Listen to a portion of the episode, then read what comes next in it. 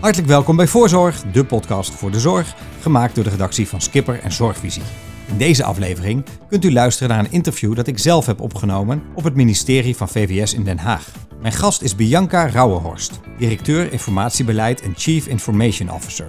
Zij vertelt onder meer over de visie van het ministerie voor het jaar 2035, de impact van de aankomende wet gegevensuitwisseling in de zorg en de machtsbalans tussen zorgorganisaties en ICT-leveranciers. Daar kunt u naar luisteren na de volgende boodschap.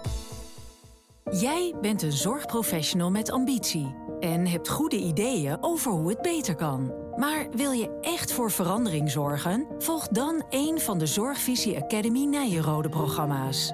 Wij bieden jou kennis van de belangrijkste MBA-vakken, toegespitst op de zorg. En een waardevol netwerk van zorgprofessionals en topdocenten. Maak impact op de zorg van morgen. Zorgvisie Academy en Nijenrode Business Universiteit. Ontwikkel kracht voor jezelf en de zorg. Kijk op zorgvisie.nl/slash academy. De eh, CIO op het eh, ministerie, wat doet hij eigenlijk precies? Nou, ik heb eigenlijk een, eh, een dubbele rol. Ik ben directeur informatiebeleid binnen VWS en ik ben de CIO. Vanuit mijn directeurschap informatiebeleid moet ik eigenlijk alles organiseren zodat de, het zorgveld, de informatievoorziening in het zorgveld beter verloopt. Dus dat burgers bij hun gegevens kunnen, maar dat ook zorgverleners bij de juiste gegevens kunnen om hun behandelingen goed te doen. Dat we uh, gegevens kunnen gebruiken voor onderzoek en innovatie, uh, dat soort aspecten. Dus dat is ene kant van mijn, uh, van mijn functie. En dan de CIO-kant is om te, de Chief Information Officer, is dat ik verantwoordelijk ben binnen het concern, dus zowel binnen het departement van VWS, maar ook alle organisaties die onder VWS hangen. Moet je denken aan het, uh, het CAK of het CIZ. Um, ehm, dat we daar de trajecten die we doen op het gebied van informatievoorziening, ICT-projecten, dat we die doen, ook doen op een manier waarmee we natuurlijk het resultaat bereiken wat we willen bereiken. Um, en en hoe, we, ja, hoe dat er dan precies uit moet zien, daar komen we zo nog wel eh, op te spreken. Als we nu kijken naar de huidige stand van zaken in de zorgsector ja. op dat gebied, hoe staan we er dan voor? Nou, als je ziet is dus dat er binnen de zorgsector de afgelopen jaren heel veel geïnvesteerd is om te kunnen zorgen dat zij in uh, digitale dossiers kunnen werken. Dus ziekenhuizen hebben een systeem en binnen dat ziekenhuis kunnen dan verschillende behandelaars, uh, zorgverleners bij de gegevens van de patiënt, zodat zij hun werk goed kunnen doen. Maar wat we zien is, is dat vooral die energie heeft gezeten op dus bij de zorgaanbieder, zorgverlener zelf en nog niet zozeer over de zorgverleners heen. Onze zorg is, zich, is aan het veranderen. Je hebt tegenwoordig niet meer maar met één behandelaar te maken. Je hebt met meerdere behandelaars te maken. En vaak ook nog buiten verschillende instellingen. Dus dan zou het ook wel handig zijn dat zeg maar, de gegevens die nodig zijn daarvoor ook bij die andere zorgverlener aanwezig zijn. En eigenlijk ook nog dat de patiënt zelf of de burger zelf daar ook nog bij kan. Nou, die twee laatste stappen, daar hebben we echt nog heel veel stappen op te nemen. En zeg ik eigenlijk ook dat we daar de basis ook nog niet voor op orde hebben. Nee, want ehm, als we het hebben over uh, informatievoorziening naar de patiënt toe, dan denk ik gelijk aan de PGO's, de persoonlijke gezondheidsomgevingen. die hadden er eigenlijk ja, behoorlijk in de lucht uh, moeten, moeten zijn. En ze zijn er ook wel met gebruik. Is en de functionaliteit is nog redelijk beperkt. Hoe kan dat nou? Nou, dat heeft verschillende oorzaken. Um, wil je gegevens in een persoonlijke omgeving hebben, hè, dus um, bijvoorbeeld mijn persoonlijke omgeving, dan moeten die gegevens moeten komen uit de systemen van de zorgaanbieders of de zorgleveranciers. Dus van de huisartsen of en van de, nou ja, de arts in het ziekenhuis waar ik onder behandeling ben.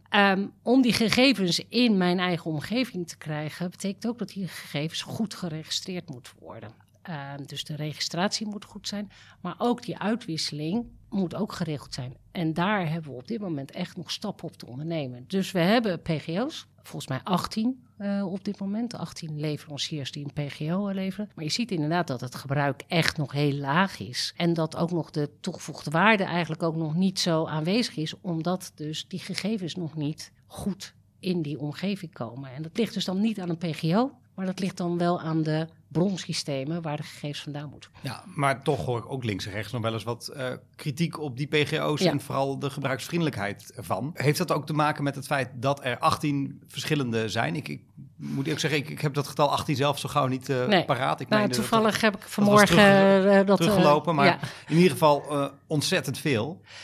Ja, nou ja, het is een, wel een keuze die er, uh, die er ooit gemaakt is om hier de markt zelf aan zet te zetten. En uh, dus dat betekent dus dat er leveranciers, PGO-leveranciers zijn. En uiteindelijk zullen die PGO-leveranciers zichzelf moeten gaan onderscheiden. Dus dan ook in de kwaliteit uh, van onder andere gebruiksvriendelijkheid en de, de toepassingen die ze in hun PGO's hebben, waar dus dan de burger ook wat aan heeft. Het is wel een wisselwerking dit.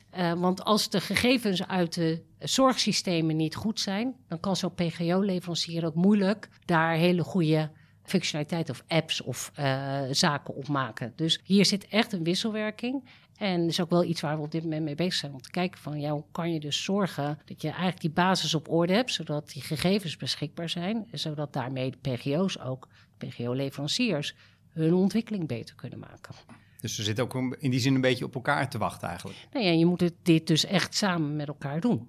Ook al heb je besloten dat het PGO's zelf, hè, dus het maken van PGO's, een marktactiviteit is. Het afspraakstelsel wat eronder ligt, dat is iets waar je, vind ik dan vanuit VWS, waar je dus toch regie probeert te voeren, te zorgen. Dus dat je daarmee dus alle partijen aan elkaar verbindt om uiteindelijk de, de beste PGO's te kunnen hebben. En dan mag een burger zelf kiezen of hij die, die bij A of B of C afneemt. Maar hij moet wel de basis uh, hebben dat hij zijn gegevens daarin kan zien. Ja. En dat die gegevens juist zijn. Uiteraard. Ja. Maar gaat een, gaat een burger dat ook doen? Als ik kijk naar, uh, we hebben nu net het, uh, het seizoen gehad van het, de mogelijkheid om over te stappen van zorgverzekeraar. Nou, ja. Dat gebeurt al niet, niet massaal. Gaan mensen die niet heel vaak zorg nodig hebben, meer dan tien verschillende PGO's naast elkaar leggen om te zien. Nee, maar dat is ook niet de bedoeling. Hè? De bedoeling, ja, de, nee, dat, dat is dus een beetje de vraag. En wat je zal zien is dat er ook wel vanuit de zorgaanbieders ook wel PGO's naar voren geschoven zullen worden. En hier zit ook wel een beetje de afweging van, goh, PGO's zijn vooral voor mensen die complexe zorgvraagstukken hebben. En dus met veel meer behandelaars te maken hebben, zijn echt interessant. Ook omdat er dan vanuit die PGO-leverancier daar dus extra functionaliteiten gemaakt zouden kunnen worden die specifiek op die doelgroep van belang zijn. Chronisch zieken. Uh, die. Als je maar eens in de zoveel tijd eens bij de huisarts komt, ja, kan je je afvragen of jij een PGO wil hebben. En dan nog is het wel prettig dat dan uh, de huisarts alle beschikbare gegevens Juist. heeft. Juist. Ik ben zelf niet zo lang geleden verhuisd. Nou, het was nog een heel gedoe om, van de ene huisarts om de informatie ja. van de ene naar de, bij de andere uh, te Ja. krijgen. Ja. En ik heb zelf, maar misschien zie ik dat verkeerd, ook wel het idee dat zo'n PGO ook zou kunnen werken om die gegevens tussen de zorgverleners onderling van A naar B te krijgen. Namelijk dat die patiënt die gewoon zelf ter beschikking stelt. meeneemt. Ja, inderdaad. zeggen, En dat, was, dat is wel wat er ook in basis, zeg maar, eh, in PGO zit. Zodat je dus niet alleen inzage, hè. iedereen heeft recht op inzage in zijn gegevens. Nou, dat kan nu fysiek, maar dat wil je ook digitaal. Eh, maar naast die inzage ook dat je als, als, als ik, als Bianca, gewoon kan zeggen... nou, ik wil dat mijn gegevens door die behandelend arts gebruikt mogen worden. Maar daarvoor moeten we nog wel heel veel doen. ja, op welke Ja. termijn zou dat ongeveer eh, op poten kunnen staan? Nou, dat vind ik wel een moeilijke vraag. Eh, want als je ziet waar we op dit moment tegenaan lopen, eh, wat ik al zei, de basis is eigenlijk niet op orde. En je moet eigenlijk wel eerst die basis eh, goed hebben. Dus je moet kunnen zorgen dat er, en daarvoor is wegens weer een hele goede. Want daarin maken we afspraken over standaards, hè, over standaards van gegevensuitwisseling. Dat is minimaal het eerste wat je moet doen. Dan heb je eh, het feit dat je ook nog moet kunnen zorgen dat er technisch uitgewisseld moet kunnen worden. En dan heb je ook nog de situatie dat er ook wel wat randvoorwaardelijke zaken omheen moeten worden geregeld. Wil je ook alle privacy-aspecten goed kunnen eh, borgen, medisch beroepsgeheim goed kunnen borgen. Dus uiteindelijk eh, heb ik het hier over een digitale transitie voor de zorg. En ehm, zijn wij nu bezig met, en die zullen we ook in februari richting de Kamer brengen, met een visie die loopt tot 2035. En natuurlijk willen we in de tussentijd al dingen bereiken. Maar uiteindelijk om te komen naar databeschikbaarheid op het hele gezondheidsdomein, niet alleen de ziekenhuizen of de huisartsen, maar ook de preventie eh, en ook het sociale domein, ja, zitten we echt eh, richting 2035. Ja. En misschien ben ik dan nog wel optimistisch. Maar dat is voor de, de hele transitie, toch? Ja, inderdaad. Ja. Ja, het, het woord is al gevallen, de- of eigenlijk de afkorting, hè, de, de WEG is de wet elektronische gegevensuitwisseling in eh, de zorg. Op het moment dat we nu eh, met elkaar eh, spreken, moet die nog door de Eerste Kamer. Ja. Laten we er voor het gemak maar even van uitgaan dat dat ook wel gaat lukken. Hij is unaniem aangenomen door de Tweede Kamer, dus er is wel degelijk draagvlak eh, Ja. Ehm, wat gaat dat voor uh, zorgorganisaties betekenen als die wet straks uh, ligt? Er zijn onder de WGIS zijn er nu vier gegevensuitwisselingen geprioriteerd. Dat betekent dat we voor die gegevensuitwisselingen gaan bepalen dat als je uh, gegevens uitwisselt, waar ze dan aan moet voldoen qua standaarden qua eisen. Dus in de wegen zeggen we dus niet wanneer je gegevens uitwisselt, want dat is iets echt wat tussen professionals onderling is. Daar moeten ze ook een kwaliteitsstandaard voor maken. Maar als je de gegevens uitwisselt van die, dan moet het op die, die, die manier dat en we pakken daarvoor de uh, gegevensuitwisseling, waarvan we denken dat we uh, de eerste uh, grote gegevensuitwisseling hebben. Dus een basisset gegevenszorg. Die pakken we. Um, een medicatieoverdracht. Hè, dus de overdracht van de huisarts naar de apotheek, van de apotheek naar de patiënt. Maar ook het gewoon een medicatieoverzicht op het moment dat je op de eerste hulp terechtkomt mogelijk niet bij machten ben om wat te zeggen, maar dat er dan toch wel bekend is waar jij misschien allergisch voor bent of welke medicatie je gebruikt. Dus daar zetten wij nu op in. En dat gaan we verplicht stellen onder, de, onder een wet. Dat doen we door middel van uh, ook het, aan, het, normeren van die standaards, van die gegevensuitwisselingen. En dat betekent dus dat alle zorgaanbieders die die gegevensuitwisseling doen, uh, hun systemen daarvoor moeten aanpassen. En we daarmee dus proberen, of dus eigenlijk zorgen dat er een stuk gegevens gaan stromen. En je dus nou ja, op verschillende momenten de juiste gegevens op het juiste moment uh, aanwezig hebt. Daar is natuurlijk iedereen bij uh, gebaat. Die omslag is nog best wel moeilijk. In hoeverre um, kunnen jullie ook um, zorgorganisaties daarbij helpen om dat te doen? En dan denk ik aan bijvoorbeeld uh, de kosten, of als ze in de klintje liggen met een ICT-leverancier die misschien een bepaalde koppeling ja. Niet, maakt, of, of niet ja. op tijd maakt, of ja. daar een heel hoog prijskaartje aan, aan hangt.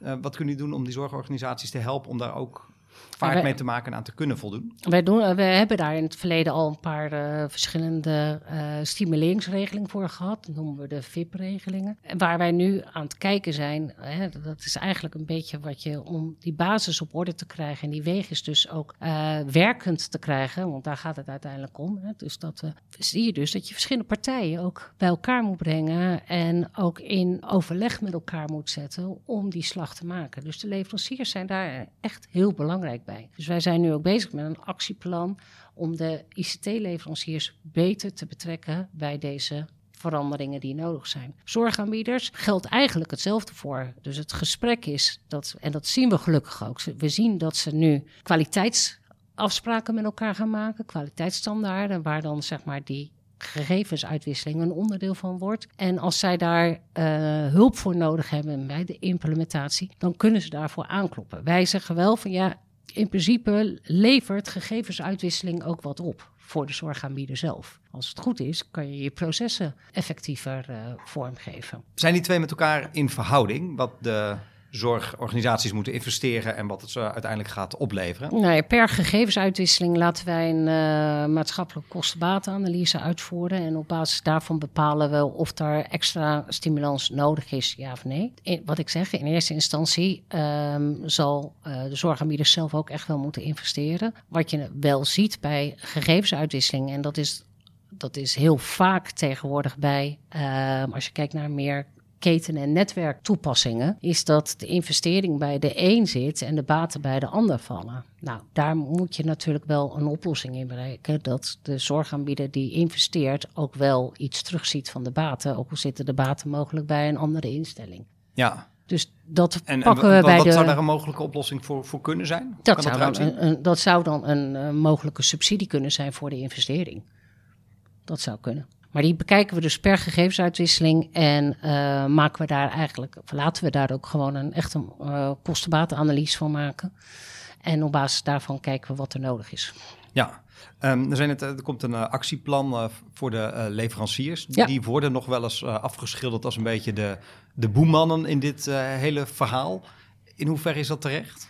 Nou, ik zit nu uh, volledig een uh, ruim een half jaar op uh, dit dossier en ik herken dat volledig niet. Ik heb goed contact met de leveranciers, maar ik ben ook wel iemand die ze direct erbij betrekt en ook aan hen vraagt, maar ook verlangt dat zij daar ook hun verantwoordelijkheid in nemen. Als je een rol wil spelen in het zorg-ICT-landschap, betekent ook dat je een rol moet spelen op het maatschappelijk vraagstuk ten aanzien van de interoperabiliteit. En dat gesprek vindt nu plaats. En ik merk dat eigenlijk leveranciers daar heel graag over willen meedenken. Dat ze ook heel graag hun kennis daarop willen inbrengen. Dat, uh, en dat gaan we dus ook in dat actieplan uh, weten opschrijven. Blijft natuurlijk dat ik als VWS, ik heb helemaal geen relatie met die leveranciers. Want die leveranciers hebben een relatie met de zorginstellingen en aanbieders. Dus ook met de zorgaanbieders en zorginstellingen zijn wij in gesprek. Hoe kan je nou zorgen dat je je rol als afnemer, gebruiker ook beter uh, weet in te vullen uh, richting die leveranciers? Ja, want die ruimte die is er nog wel. Ik denk dan ook even aan dat uh, rapport dat uh, niet zo heel lang geleden verscheen uh, van de ACM, de Autoriteit Consument en Markt, die toch wel schetste voor de ziekenhuizen dat die, ja, ze zouden wat meer gelijk op kunnen trekken. Maar over het algemeen hebben ze toch heel veel moeite om op te boksen tegen die leveranciers. Want ja, overstappen naar een ander elektronisch moeilijk. patiëntendossier, dat is ontzettend moeilijk. Ja. En je schiet er eigenlijk ook niet zo heel veel mee op, want nou ja, het is niet zo dat er enorme verschillen in kwaliteit zit. Dus die Nee. voelen zich toch wel een beetje in de, in de hoek uh, gedreven. Ja, dat, dat, dat is een gevoel. Maar uh, dan kan je zeggen van nou ja, dan doe ik daar dus niets aan. Of je kan toch met de ziekenhuizen en de leveranciers, de betreffende leveranciers, het gesprek voeren van joh, hoe kunnen we zorgen dat die ontwikkelingen die we de komende jaren moeten maken, dat we die gezamenlijk doen. Vanuit allebei onze eigen rol en verantwoordelijkheid. En dat we daarin ook echt de stappen maken ten aanzien van toch, en dat doe ik wel de hele tijd, dat maatschappelijke vraagstuk voorop zetten. En nee, mijn ervaring nu is, is dus dat, uh, dat we dat gesprek best goed kunnen voeren. Uh, blijft natuurlijk dat ook ziekenhuizen of we hebben ook de huisartsensector die ook uh, dit soort systemen heeft, de GGZ, dat die zichzelf ook wel als een goede afnemer gebruiken en ook opdrachtgever kunnen bewijzen, kunnen neerzetten. Want anders gaat de leveranciers het zelf doen. Hè? Dus, dat, uh, dus daar moet gewoon een betere balans in komen. En dat, nou, daar wil ik ook vanuit VWS ook mee helpen. En dat is dus eigenlijk ook wel iets wat nou ja, in ieder geval wat ik ook bij PGB gedaan heb. Ik verbind heel graag partijen aan elkaar. En ik ben van mening dat, uh, en dat uh, de, uh, het stelsel werkt als iedereen daarin zijn rol en zijn belang, en we hebben het hier over publieke, private stelsels, goed uitvoert en daar alleen maar beter in wordt. Als je dat met elkaar doet, dan durf je met elkaar ook de juiste stappen te zetten. En dan is het de ene keer is het in de ene belang beter en de andere keer in de andere belang. Maar uiteindelijk is het voor de burger, en daar doen we het hier natuurlijk wel voor, voor de burger gewoon dat er betere zorg geleverd kunnen worden doordat we de informatieuitwisseling beter op hebben. Ja, als we het hebben over die, over die balans, een van die dingen die uit dat uh, rapport naar voren kwamen, is dat um, sommige leveranciers een winstmarge van boven de 40% hebben, terwijl de afnemers, de ziekenhuizen, het met 2 tot 3% per jaar moeten doen. Is dat nou een voorbeeld van die balans die beter moet, die hersteld moet worden? Ja, weet je, ik vind het een. Uh, ik weet die percentages en ik vind dat altijd wel een moeilijk vraagstuk. Vooral ook omdat ik daar als VWS dus zelf eigenlijk geen rol in heb. Omdat, nogmaals, ik uh, ja. ben niet degene die uh, in een betalende rol zit richting leveranciers. Dat zijn de zorgaanbieders zelf. Um, en het is ook niet zo dat dat nou echt een hele andere percentages zijn dan wat er in de ICT-wereld op andere vlakken wordt. Uh, alleen, het is wel zorggeld. Ja. En we willen eigenlijk dat zorggeld naar de zorg gaat en niet naar uh, ICT-toepassingen. Dus wat we moeten doen is die draai maken. Hoe kan je dus zorgen dat je dus de ICT-toepassingen die je ontwikkelt zodanig gezamenlijk ontwikkeld dat het direct dus ook leidt tot betere zorg. En als we dat voor elkaar krijgen, dan horen we daarna niemand meer over 40 procent. Dus het mag wat kosten, maar er moet er ook wel wat tegenover staan. Er moet echt wat tegenover staan. En meer ja, dan nu het geval is. Veel meer dan nu het geval is, maar dat geldt voor alle partijen. Dus dat geldt voor de leveranciers, dat geldt voor de zorgaanbieders, uh, de individuele zorgverleners, maar ook de burger zelf. Die heeft daar ook een rol in te spelen. VWS ook. Ja. Dus dit is een transitie, hè, wat ik al, zoals ik al eerder noemde, waarin je niet alleen iets kan doen. Dan ben je nooit succesvol. Zie je dan precies de rol die jullie als ministerie erbij kunnen nou ja, spelen, afgezien van uh, als, als verbindende partij mensen om tafel zetten? Kijk, soms uh, als, je heel, als je wat cynisch bent, zeg je ja, ik, ik heb maar drie mogelijkheden. Namelijk kan wetten maken en ik kan uh, kopjes koffie drinken met mensen. En ik heb soms wat geld wat ik kan geven. Ik kijk daar toch iets ruimer naar. er wordt echt de afgelopen jaar, twee jaar, wordt gevraagd aan VWS om op dit vraagstuk meer regie te nemen. Dat betekent dus ook dat je moet durven keuzes te maken. dat hoort niet bij wetten maken, dat hoort niet bij kopjes koffie drinken, dat hoort niet bij geld. Dat hoort ook gewoon bij bepalen dat we die kant op gaan, of, of links of rechts. Of. Dus daar um, een wat stevigere rol pakken vanuit VWS. Omdat je, en daar dan de, alle betrokken partijen goed bij aanhaken. Ook al is het voor de ene partij misschien wat minder leuk dan de andere partij, hè, de keuze die, eh, die je maakt. Dat is waar, waar je echt wel als VWS gewoon uh, meer sturing in kan geven. Dus meer regie is voor mij zorgen dat die problemen die er de afgelopen jaren zijn, die niet uit zichzelf worden opgelost, zorgen dat we die opgelost krijgen met duidelijk vanuit een toekomstige visie waar we naartoe willen. En dat betekent dat ik soms ook een brief naar de Kamer stuur met van dit is de visie.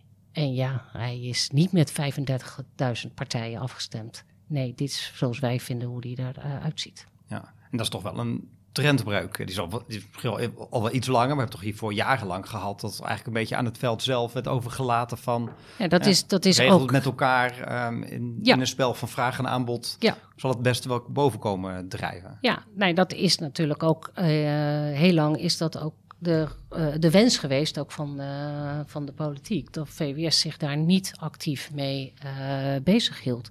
maar we zien dat het zorgveld zo divers is dat ze dat ook niet automatisch zelf uh, geregeld krijgen. En mogelijk wel tussen ziekenhuizen. Maar tussen ziekenhuizen en de eerste lijn, hè, de huisartsen, is echt al wel weer een dingetje. Want dan heb je ook over verschillende schaalgroottes. En dan heb ik, uh, pakken we hem even door naar de uh, verpleeghuiszorg. Hè, een heleboel mensen die toch vanuit ziekenhuizen komen, toch helaas toch in de verpleeghuiszorg terecht. Ja, dat is dan weer een hele andere wereld. Dus daar heb je dan toch een vorm van een regisseur op nodig. En ik vind regisseur altijd een moeilijke naam of een moeilijk woord. En eigenlijk zeg ik van ja, het is gewoon iemand die zorgt dat we uh, de volgende stappen met elkaar maken. En daar soms moeilijke besluiten over nemen. Duidelijk. Um, noemde net al uh, de, het PGB, het persoonsgebonden budget, uh, het portaal dat daarvan uh, ja. Ja, al jarenlang eigenlijk gebouwd wordt. tot voor kort was je daarvoor programma-directeur. Zijn er nou overeenkomsten tussen dat proces en uh, hoe dat nu uh, in de zorgsector in zijn algemeenheid uh, gaat? Nou, toen ik begon met, met, met PGB, dat is nou, nu al bijna zes jaar geleden, toen waren een aantal partijen daarbij betrokken. En die partijen die probeerden zelf um, het steeds beter te doen voor de budgethouder. Maar individueel. Um, daar zit dus ook maar de overeenkomst met, met eigenlijk wat ik nu aan het doen ben, is om partijen aan elkaar te verbinden, de samenwerking te stimuleren, het gesprek te hebben over wat is nou dat maatschappelijk belang waar we naartoe willen. En uiteindelijk is daar dus de ontwikkeling van PGB portaal of PGB 2.0 systeem uit voortgekomen. Wat een best een moeilijke ontwikkeling was. En nogmaals, dan zit de complexiteit niet zozeer in de techniek. Maar wel dat we hier proberen om drie verschillende wettelijke regimes in één systeem te krijgen. Uh, multiwetsystemen zijn uh, best moeilijk. Wat daarachter zit, is dan om de werkwijze van de verschillende partijen die met dat systeem moeten werken, om die te zorgen dat die dus op elkaar aansluiten. Want dat is dan het complexe vraagstuk. En daar is best veel energie en tijd in gaan zitten. En als je nu ziet, is het wel heel fijn om te zien dat alle zorgkantoren zijn uh, uh, aangesloten. En dat ze allemaal met hetzelfde standaardproces werken met dat systeem. En daar hebben ze echt wel ook zelf een investering in moeten doen. En dan vooral uh, de investering in het feit dat ze hun werkprocessen hebben moeten aanpassen. Maar voor de budgethouder is dit wel heel erg fijn.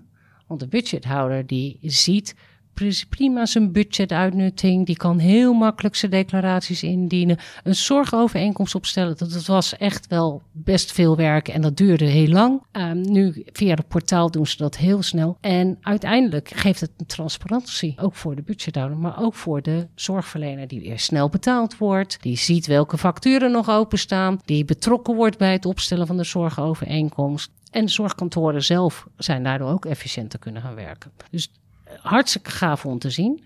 De volgende stap is natuurlijk zorgen dat die gemeentelijke wereld eigenlijk op dezelfde manier aansluiten. Ja, want bij de gemeente staat de teller geloof ik op zes op dit moment. Ja. Uh, dus daar uh, is nog een hele wereld uh, te winnen. Ja, ja. Ja, daar zit natuurlijk ook een hele wereld achter, want uh, dat zijn 350 gemeentes. Of zijn het er nog 350? Misschien zijn er 345 ondertussen, dat weet ik niet. Maar, uh, en elke gemeente, dat moet je je voorstellen, heeft zijn eigen manier van werken Er zijn ook wel gemeentes die samenwerken daarin. Dus dat, uh, maar, uh, en die eigen manier van werken, die wil je niet in dat systeem hebben. Want dan gaan we 350 systeempjes maken. Dat was niet de bedoeling. En ligt daar ook de analogie met uh, de, de, zorgwereld? Dat alle zorgverleners op hun eigen manier dingen registreren, in het systeem zetten, eigen nou, ik, had toe, ik zat, vanmorgen had ik het over. Um, als je bijvoorbeeld uh, ziet hoe het ene ziekenhuis registreert hoe iemand zijn rookgedrag is. Rookt niet, rookt matig, rookt veel. En een ander ziekenhuis die legt neer rookt twee, twee tot drie sigaretten per dag, 10 sigaretten, 25, drie pakjes. Dat is al niet op elkaar afgestemd. Als je dan dat in wel een gegevensuitwisseling wil hebben, als je dat naar de patiënt toe wil hebben en hij krijgt bij zijn huisarts een andere registratie dan bij zijn ziekenhuis, dan wordt hij gek. Want dan zie je hele rare, uh, rare gegevens in jouw uh, PGO komen. Dus daar zit echt die analogie. Dus we gaan geen systemen hier maken of geen groot EPD maken. Nee, in de uh, systemen zelf moet je de standaardisatie aanpakken. Nou, dat is de WEGIS in principe. En de uh, Europese vorm die daar aankomt gaat daar ook in helpen. Hè? De EADS, die uh, gaat daar ook in helpen. De European Health Data Space. En dan heb je nog eigenlijk nog een stap daarvoor ook nog.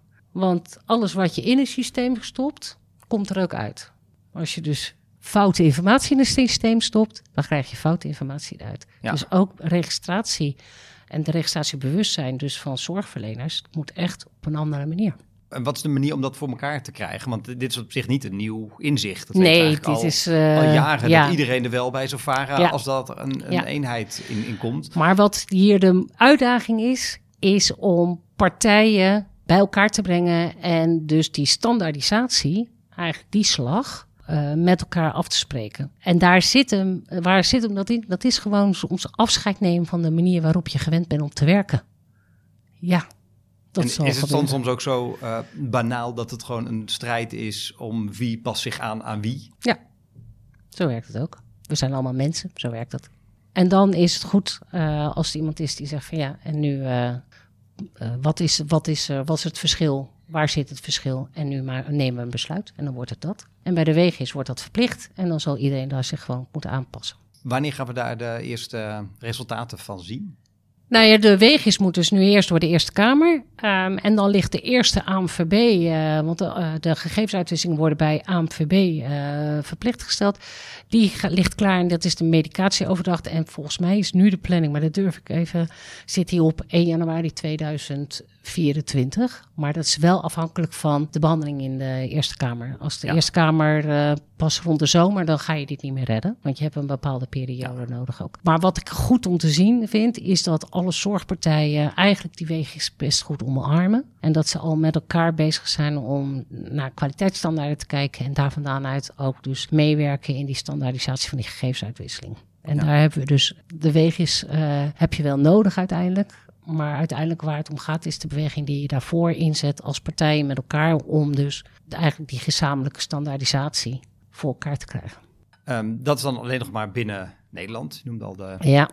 European Health Data Space. Die komt ja. er ook nog aan, nog iets verder op uh, in de toekomst. Is dat nou een steun in de rug of is dat ook een mogelijk struikelblok? Omdat dat misschien weer net om andere uh, standaarden en voorwaarden gaat. Nee, wij zien het echt als steun in de rug. Uh, we zien dat wij als Wegis eigenlijk al een stapje vooruit lopen. Uh, het gaat om, de, om uh, globaal dezelfde processen die, die daarin worden genoemd.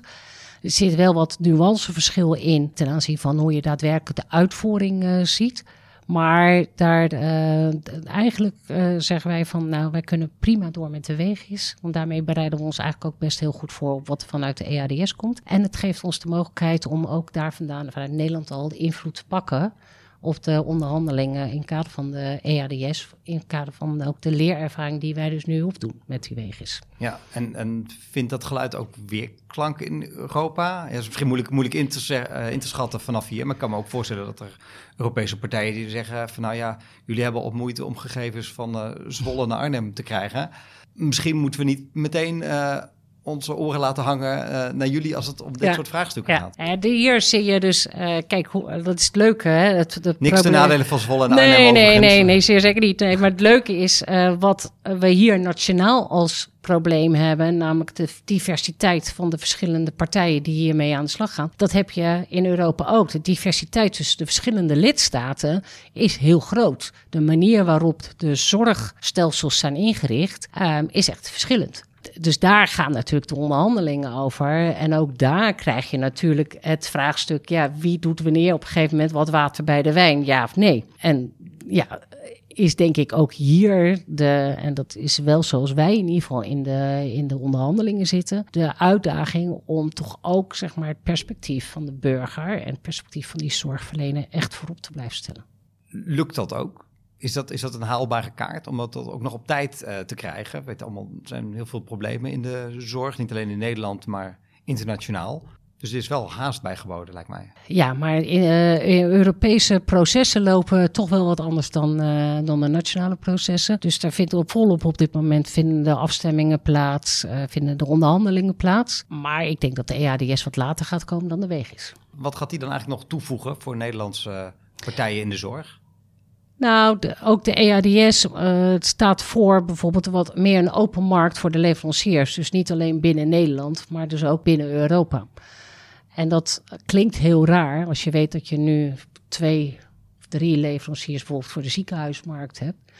Maar de mogelijkheid om dus toch vanuit andere leveranciers daar toch ook meer op hybride zorg en op uh, te kunnen brengen. Ja, dat is wel iets wat er vanuit EADS voor wordt staan. Dus daar, dat brengt het. Uh, het brengt ook dat we een betere uitwisseling hebben binnen Europa. Ik was laatst uh, op een weekendje in Spanje en had helaas wat medicatie nodig, maar mijn gegevens waren daar niet bekend. En dan, ja, die arts die sprak toch geen Engels. Ik spreek nog steeds geen Spaans. Dus dat was best weer ingewikkeld. En alle onderzoek, terwijl ik, ik wist wat ik moest hebben. Uh, maar toch moesten alle onderzoeken opnieuw worden gedaan. Omdat die arts niet zomaar natuurlijk op basis van dat ik zei van ja, maar als u mij nou dit geeft. Dus daar uh, zit echt een win-win situatie. We zien ook dat de zorg houdt zich niet meer aan grenzen. Er gaan ook veel meer mensen gaan naar het buitenland om zorg te krijgen. Net zoals dat mensen vanuit het buitenland naar Nederland komen om zorg te krijgen. Uh, ja, we zijn Europa, hè? En Europa is, uh, als we dat even kijken, gelijk met Amerika en uh, China. We zullen dus steeds meer daarmee, zeg maar, gelijkheid in moeten zijn. Nou, dat moet je in ieder geval dan met je gegevensuitwisseling, met je informatievoorziening kunnen ondersteunen. We hadden net al even over die visie voor 2035. Als we in een soort brede contouren schetsen hoe het Nederlandse zorglandschap wat dit betreft er dan uitziet. Stel dat we een beetje wind mee hebben, hoe uh, gaan we dat dan meemaken? Dan ga je, gaan we meemaken dat uh, we het niet meer hebben over individuele gegevensuitwisselingen, maar dat we het hebben over databeschikbaarheid. En dat we dus bij de burger zijn data beschikbaar is en dat hij ook in staat is om te aan te geven uh, met wie die die data wil delen en op welk niveau. Want daar heb je ook verschillende niveaus in. Hè? Of je dat op persoonsniveau hebt of bijvoorbeeld geanonimiseerd of gepseudonymiseerd. Is, en ook voor, ook, voor, ook voor welke doeleinden? Voor je eigen zorg, voor, voor je eigen onderzoek, voor, voor je, nou, inderdaad. Ja, dus uh, de persoonlijke gegevens zullen vooral voor je eigen uh, situatie op dat moment aan de orde zijn. Maar ook uh, gegevens kunnen leven ten behoeve van kwaliteitsonderzoek of uh, innovatie of onderzoek naar behandelmethoden. Dat is ook nodig. Dus het secundair gebruik, zoals wij dat noemen, van die gegevens is ook echt nodig. Vinden ook sommige mensen best eng.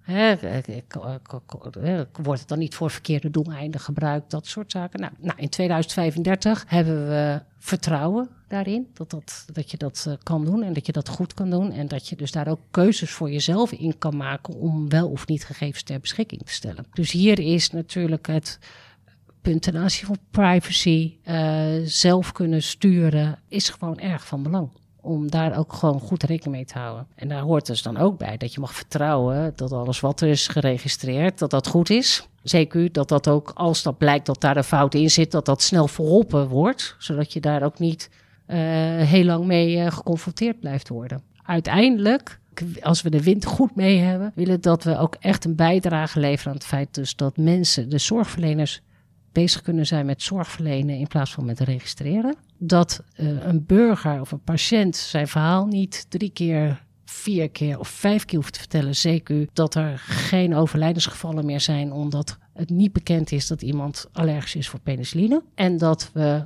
zodanige informatie of uh, gegevens hebben, data hebben ter beschikking voor verschillende partijen om inderdaad de, eh, de innovatie in de zorg daarin te kunnen stimuleren. En daarmee eigenlijk betere behandelingen te krijgen. Want dat is wat je wil.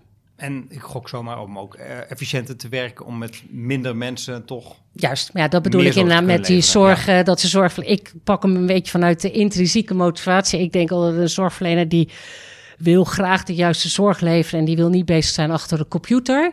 Of zo min mogelijk. Uiteindelijk, als we dus meer mensen uh, weer aan uh, kunnen hebben die zorg verlenen, hebben we ook uh, het probleem ten aanzien van onze arbeidsmarktproblematiek. Helpen we daarin dan ook natuurlijk. Ja. Nou, nou hadden we het net over dat we wind mee moeten hebben. Natuurlijk zijn we niet overgeleverd aan natuurverschijnselen, maar aan mensen en, en, en hun houding en, en, inzet. Wat is nou het grootste struikelblok om dit in 2035 voor elkaar te hebben? De diversiteit van de verschillende partijen betekent dat je uh, daar oog voor moet hebben, maar ook soms moet zeggen van nou, ik zet deze stap wel, ook al weet ik dat dat nog niet bij alle partijen past. Ja, ik zeg altijd maar, de, het zorginformatiestelsel, of eigenlijk wil ik het meer hebben over het gezondheidszorginformatiestelsel, omdat ik hem echt vanuit de preventie pak, dus ook vanuit zometeen de uh, smart uh, apps die je hebt, hoe je die ook kan gebruiken in je behandeling, die is, is een afspiegeling van hoe we het hier in Nederland hebben geregeld. Nou, dat gaan we niet aanpassen. Dus dat betekent dat we dus daar wel de juiste informatiestelsel op kunnen zetten. En daar zit wel de uitdaging. Ja, tot slot dus zou ik willen vragen. Uh, we, we, worden veel uh, gelezen en beluisterd uh, door mensen in de zorg die daar bestuurder zijn of, of beleidsmaker zijn. Um, ja, wat is dan de oproep aan hen? Denk mee, denk mee, werk mee. Ik, ben, ik denk dat we de tijd van praten hebben gehad. We, gaan dingen, we moeten dingen doen. En soms betekent dat dat je even over je eigen belang heen moet stappen. En ik roep eigenlijk aan iedereen op om het belang van de patiënt en het belang van de zorgverlener, want ik vind dat echt twee hele belangrijke gebruikers van het zorginformatiestelsel, om die voorop te blijven stellen. En zo niet, dan zwaait. Zo niet, ook op een kopje koffie drinken, denk ik. ja, nou ja, het is wel zo dat de energie moet zitten op de dingen die we met elkaar kunnen doen en goed doen. Ja. En volgens mij wil iedereen daar altijd bij zijn. Uh, bedankt voor dit uh, gesprek. Graag gedaan. En uh, heel veel succes met, de, met de uitdagingen van de komende tijd. Dankjewel. Dat de wind maar goed mee mag zitten. Nou, zeer zeker, een paar stormen. Tot zover deze aflevering van Voorzorg. Opgenomen en gemonteerd door mijzelf en mijn naam is Sietse Wilman. Mijn dank gaat uit naar mijn gast Bianca Rauwenhorst en naar Bram Brouwers voor onze muziek. Uiteraard dank ik ook u voor het luisteren. Wilt u dat vaker doen? Klik dan op abonneren in uw favoriete podcast-app. Voor nu zeg ik heel graag tot de volgende voorzorg.